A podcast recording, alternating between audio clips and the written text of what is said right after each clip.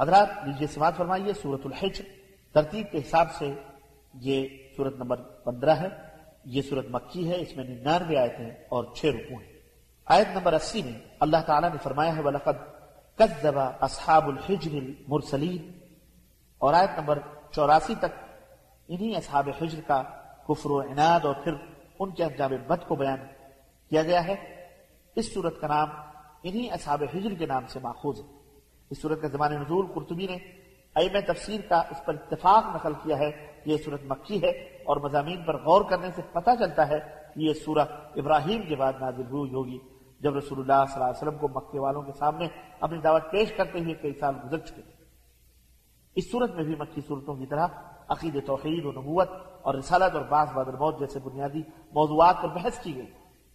کفار مکہ کو نصیحتوں سے آگے بڑھ کر ان کے ہر دھرمی کی وجہ سے دھمکی دی گئی۔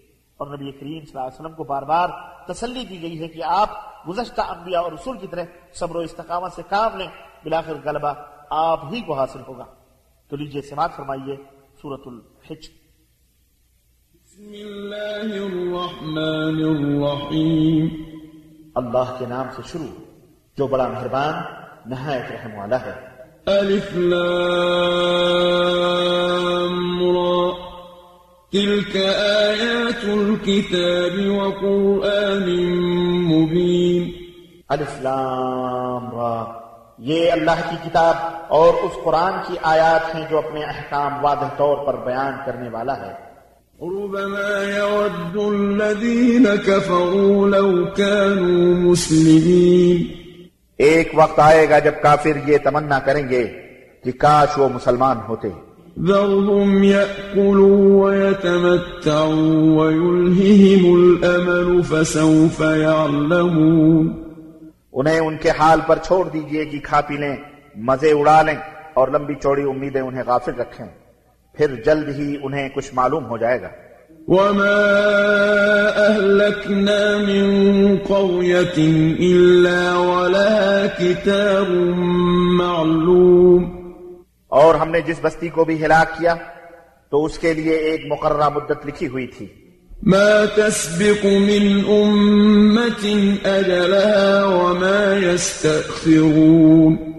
کوئی قوم اس مقررہ مدت سے پہلے ہلاک نہیں ہو سکتی اور نہ ہی اس مدت کے بعد بچی رہ سکتی۔ وقالوا يا أيها الذي نزل عليه الذكر إنك لمجنون اور کافر کہتے ہیں کہ وہ شخص جس پر یہ قرآن نازل ہوا ہے تو تو مجنو ہے۔ لو ما تأتينا بالملائكة إن كنت من الصادقين اگر تو سچا ہے تو پھر ہمارے پاس فرشتے کیوں نہیں لے آتا؟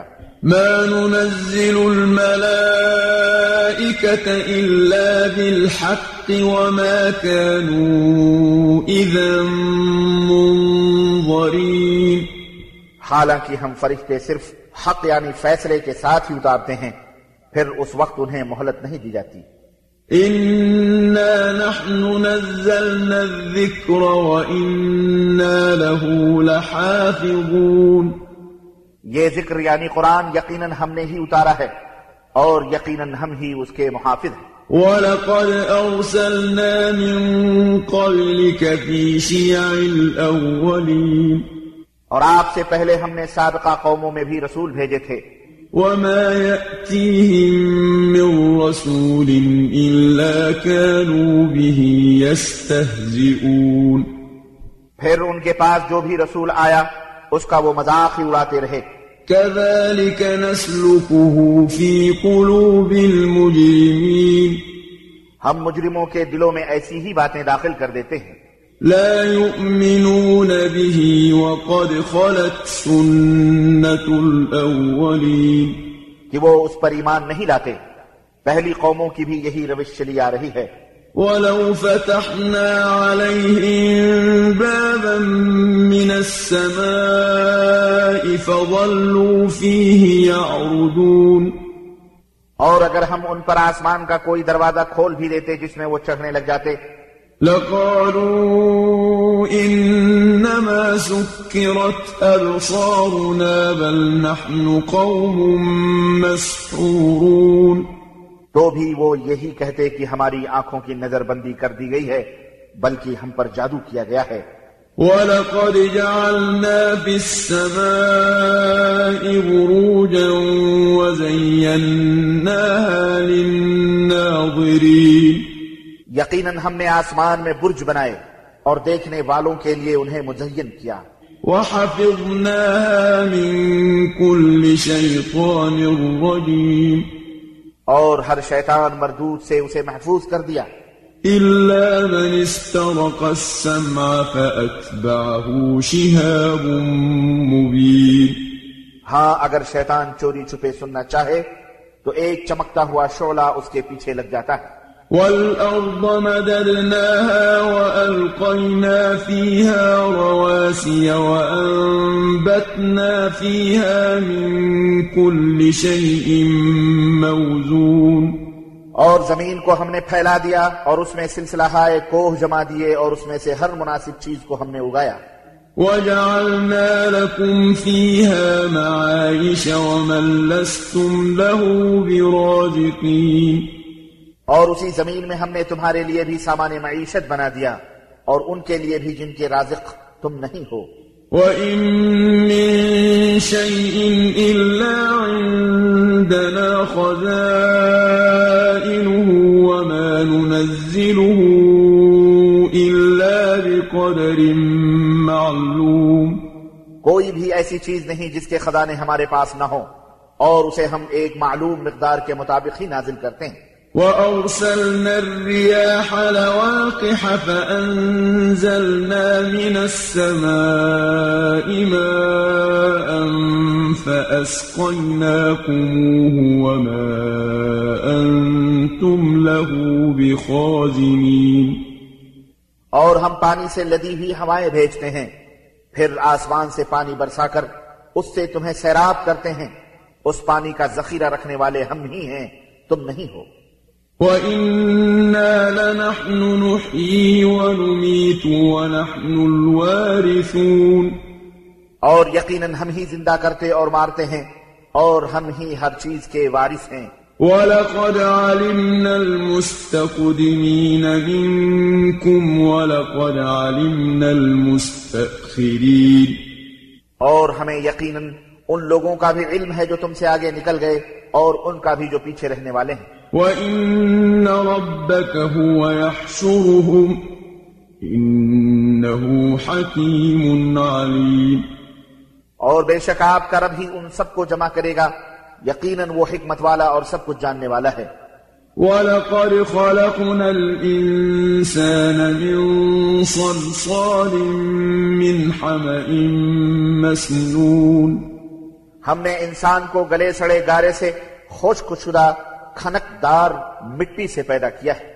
وَالْجَانَّ خَلَقْنَاهُ مِنْ قَبْلُ مِنْ نَارِ السَّمُومِ۔ اور جنوں کو اس سے پہلے ہم آگ کی لپٹ سے پیدا کر چکے تھے۔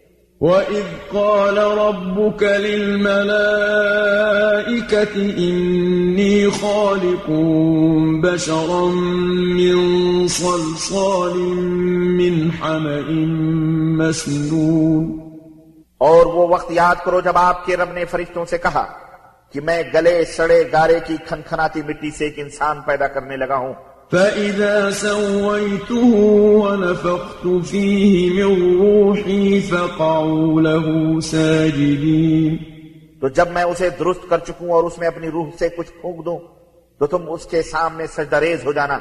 فَسَجَدَ الْمَلَائِكَةُ كُلُّهُمْ أَجْمَعُونَ إِلَّا إِبْلِيسَ أَبَى أَن يَكُونَ مَعَ السَّاجِدِينَ چنانچہ سب کے سب فرشتوں نے سجدہ کیا سوائے ابلیس کے جس نے سجدہ کرنے والوں کا ساتھ دینے سے انکار کر دیا۔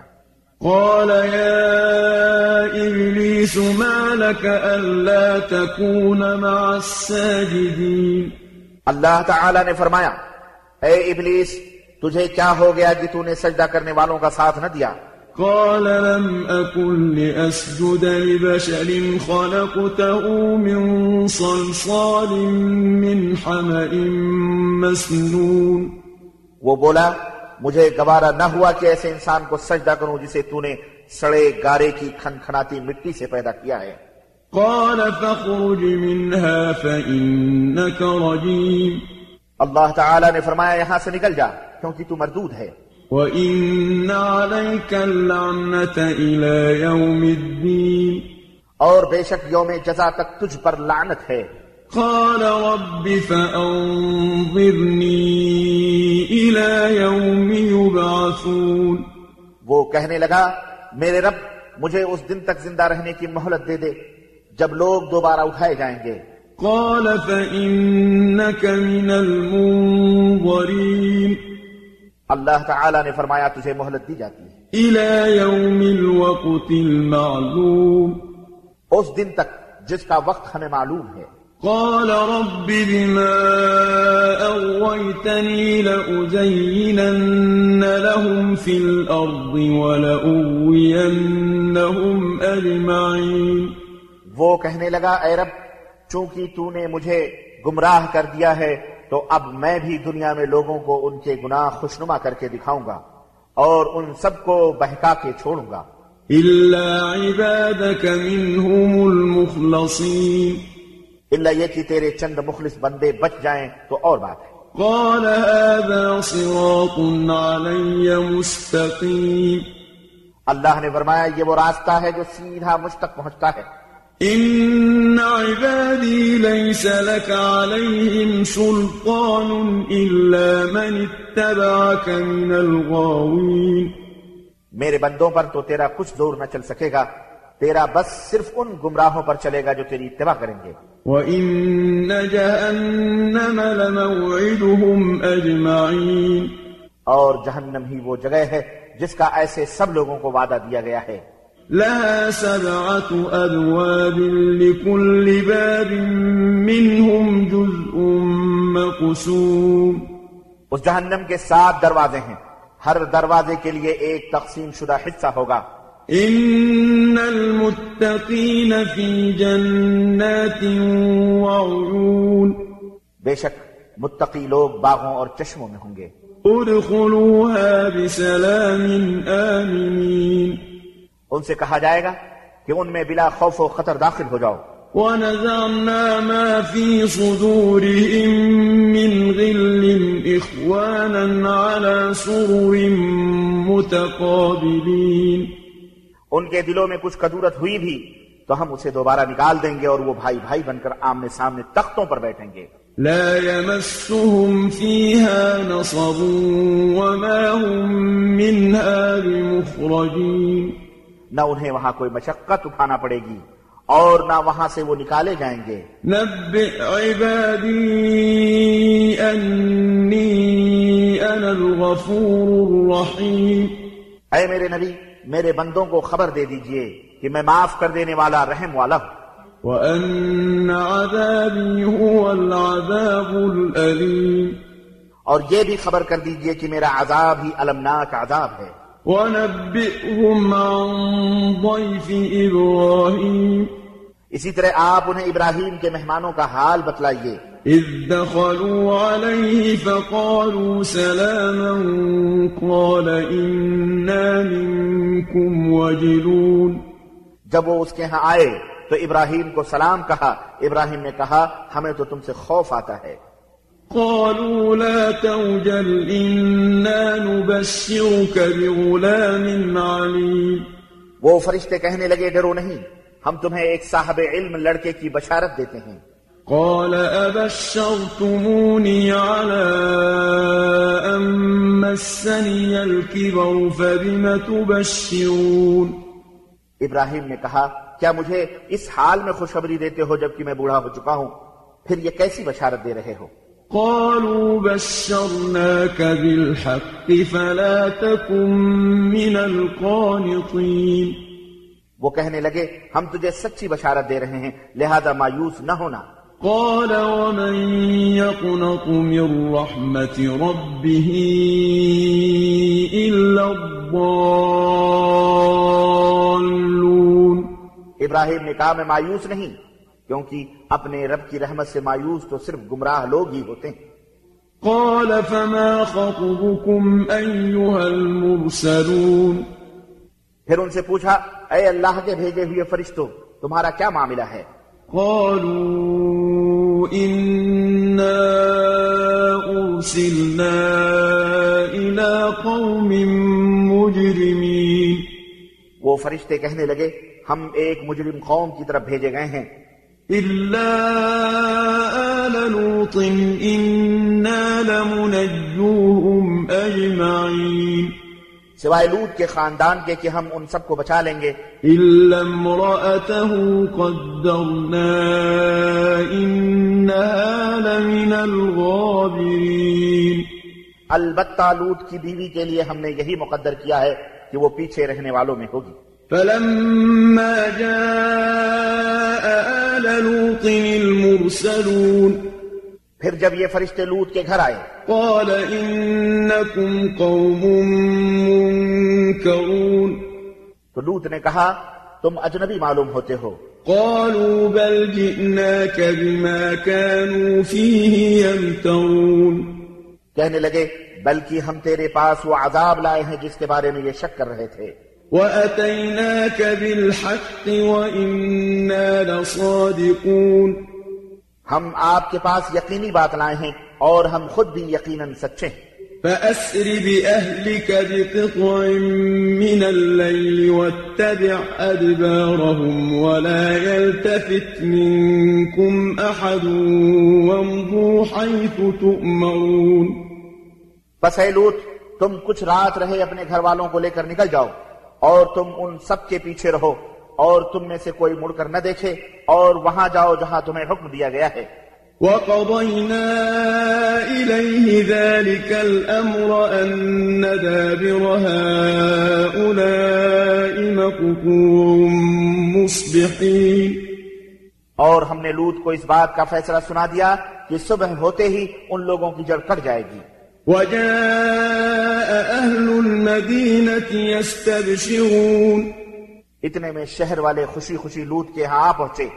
قال إن هؤلاء ضيفي فلا تفضحون. لوت نے ان سے کہا یہ میرے مہمان ہیں لہذا مجھے ذلیل نہ کرو۔ واتقوا الله ولا تخزون. اللہ سے ڈرو اور مجھے رسوا نہ کرو۔ قالوا أولم ننهك عن العالمين وہ کہنے لگے کیا ہم نے تجھے منع نہیں کیا تھا کہ تم دنیا جہاں کی حمایت نہ کیا کرو؟ قال هؤلاء بناتي إن كنتم فاعلين لوت نے کہا اگر تمہیں کچھ کرنا ہی ہے تو یہ میری بیٹیاں ہیں۔ لعمرك إنهم لفي سكرتهم يعمهون. اے میرے نبی آپ کی عمر کی قسم اس وقت وہ اپنی مستی میں دیوانے ہو رہے تھے۔ فأخذتهم الصيحة مشرقين. آخر سورج نکلنے کے وقت انہیں زبردست دھماکے نے آ لیا۔ فجعلنا عاليها سافلها وأمطرنا عليهم حجارة من سجيل پھر ہم نے اس بستی کے اوپر کے حصے کو نیچے کر دیا اور ان پر کنکر قسم کے پتھر برسائے۔ إن في ذلك لآيات للمتوسمين۔ بلا شبہ اس واقعے میں بھی صاحب فراست لوگوں کے لیے کئی نشانیاں ہیں۔ وإنها لبسبيل مقيم۔ اور وہ بستی بالکل شارع عام پر واقع ہے۔ إن في ذلك لآية للمؤمنين یقیناً اس میں ایمان لانے والوں کے لیے نشانی ہے۔ وإن كان أصحاب الأيكة لظالمين اور ایکا والے بھی یقیناً ظالم تھے۔ فانتقمنا منهم وإنهما لبإمام مبين چنانچہ ہم نے اس سے بھی انتقام لیا۔ اور یہ دونوں بستیاں شاہراہ پر واقع ہیں۔ ولقد كذب أصحاب الحجر المرسلين۔ اور وادی حجر کے لوگوں نے بھی رسولوں کو جھٹلایا تھا۔ وآتيناهم آياتنا فكانوا عنها معرضين۔ ہم نے انہیں اپنی نشانیاں دی مگر وہ اعراض ہی کرتے رہے۔ وكانوا ينحتون من الجبال بيوتا آمنين۔ اور وہ لوگ پہاڑوں کو تراش کر امن سے ان میں رہتے تھے۔ فأخذتهم الصيحة مصبحين۔ چنانچہ صبح کے وقت انہیں زبردست دھماکے نے آ پکڑا۔ فما أغنى عنهم ما كانوا يكسبون۔ اور جو وہ پتھر کے مکان وغیرہ بناتے تھے ان کے کسی کام نہ آ سکے۔ وما خلقنا السماوات والأرض وما بينهما إلا بالحق وإن الساعة لآتية فاصفح الصفح الجميل اور ہم نے آسمان و زمین اور ان کے درمیان جو کچھ ہے انہیں کسی مسلحت ہی سے تخلیق کیا ہے اور قیامت یقیناً آنے والی ہے۔ لہذا اے نبی ان کافروں کی بےحودگیوں پر شریفانہ تحمل کرو۔ إن ربك هو الخلاق العليم یقیناً آپ کا رب ہی سب کی تخلیق کرنے والا اور جاننے والا ہے۔ ولقد آتيناك سبعا من المثاني والقرآن العظيم اور اسی طرح ہم نے آپ کو سات ایسی آیات دی ہیں جو بار بار دہرائی جاتی ہیں اور قرآن عظیم دیا ہے۔ لا تمدن عينيك إلى ما متعنا به أزواجا منهم ولا تحزن عليهم واخفض جناحك للمؤمنين. لہذا ہم نے مختلف قسم کے لوگوں کو جو متاع حیات دے رکھا ہے، آپ ادھر نظر اٹھا کر بھی نہ دیکھیں اور نہ ہی ان کے لیے غمزدہ ہوں اور ایمان لانے والوں سے توازو سے پیش آئیں۔ وقل إني أنا النذير المبين اور فرما دیجیے کہ میں تو صاف صاف عذاب سے ڈرانے والا ہوں۔ كما أنزلنا على المقتسمين جیسا کہ ہم نے عذاب ان تقسیم کرنے والوں پر نازل کیا۔ الذين جعلوا القرآن عضين جنہوں نے قرآن کو ٹکڑے ٹکڑے کر دیا۔